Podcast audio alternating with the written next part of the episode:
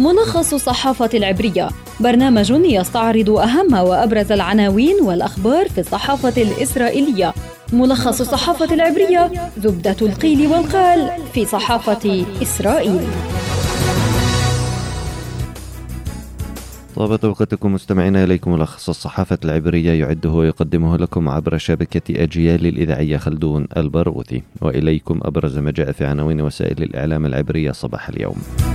صحيفة هآرتس تعنون اتفاق بين نتنياهو وسموتريتش على إشراك الصهيونية الدينية في قرار تعيين رئيس الإدارة المدنية والمنسق وسحب القرار من وزير الجيش.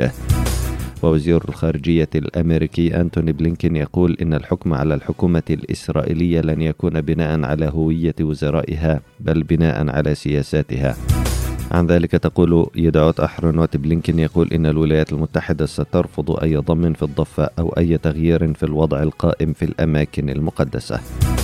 في يدعوت أحرنوت أيضا تسليم قوات حرس الحدود العمل على حاجز شعفاط بدل جنود الحواجز. إسرائيل هيوم تعنون تبادل القصف في غزة رسالة تحذير لما قد يحدث مستقبلا. ويائير لبيد يقول لإسرائيل هيوم الصلاحيات التي منحت للصهيونية الدينية تعرض أمن إسرائيل للخطر. في القناة الثانية عشرة خطة لجعل الحكومة صاحبة القرار في تعيين القضاة في إسرائيل. وفي القناة الثالثة عشرة إتمار بن كبير يسعى لتغيير تركيبة لجنة تعيين القضاة.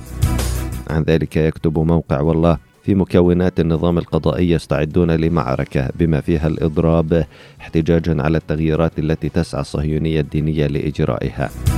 هيئة البث الإسرائيلية عنوانه بعد إقامة الحكومة مجموعة أعضاء كنيست في الليكود ستعمل على عرقلة القوانين التي قد تنهي محاكمة نتنياهو وحراس يرافقون ضابط حرس الحدود الذي أعدم الشاب عمار مفلح في حوارة بعد تهديدات باستهدافه.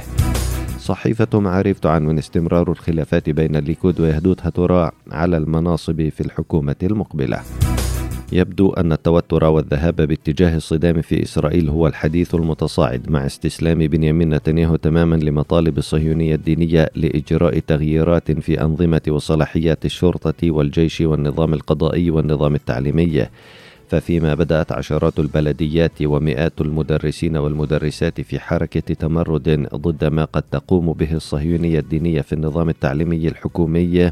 يبدو أن النظام القضائي سيدخل في المعركة أيضا بعد الكشف عن خطة يسعى إتمار بن كبير لتنفيذها تهدف إلى تغيير تركيبة لجنة تعيين القضاة بحيث تصبح الحكومة صاحبة القرار فيها على حساب المعارضة والقضاة ونقابة المحامين الشركاء. في هذه اللجنة. وسيشارك في المعركة حسب وصف موقع والله النيابة العامة ونقابة المحامين ونقابة العاملين في النظام القضائي وإدارة المحاكم الإسرائيلية.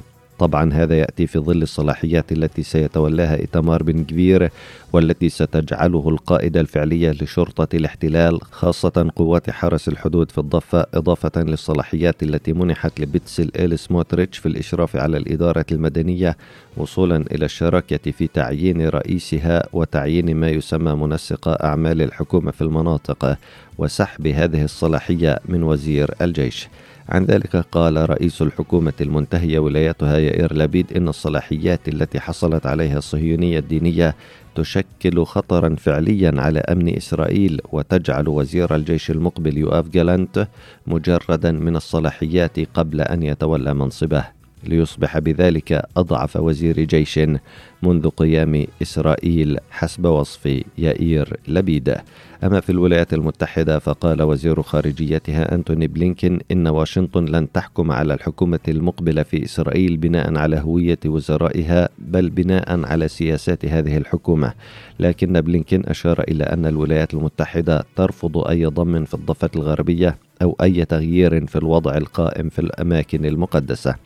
في شأن آخر قالت هيئة البث الإسرائيلية أنه تم وضع حراس على ضابط حرس الحدود الذي أعدم الشهيد عمار مفلح في حوار قبل عدة أيام. وحسب هيئة البث الإسرائيلية فقد وردت تهديدات للمس بحياة هذا الضابط على صفحات مواقع التواصل الاجتماعي الفلسطينية ما دفع الشرطة الإسرائيلية إلى تعيين مرافقين له. نهاية حلقتنا من ملخص الصحافة العبرية أعدها وقدمها لكم عبر شبكة أجيال الإذاعية خلدون البروثي أطيب التحيات إلى اللقاء.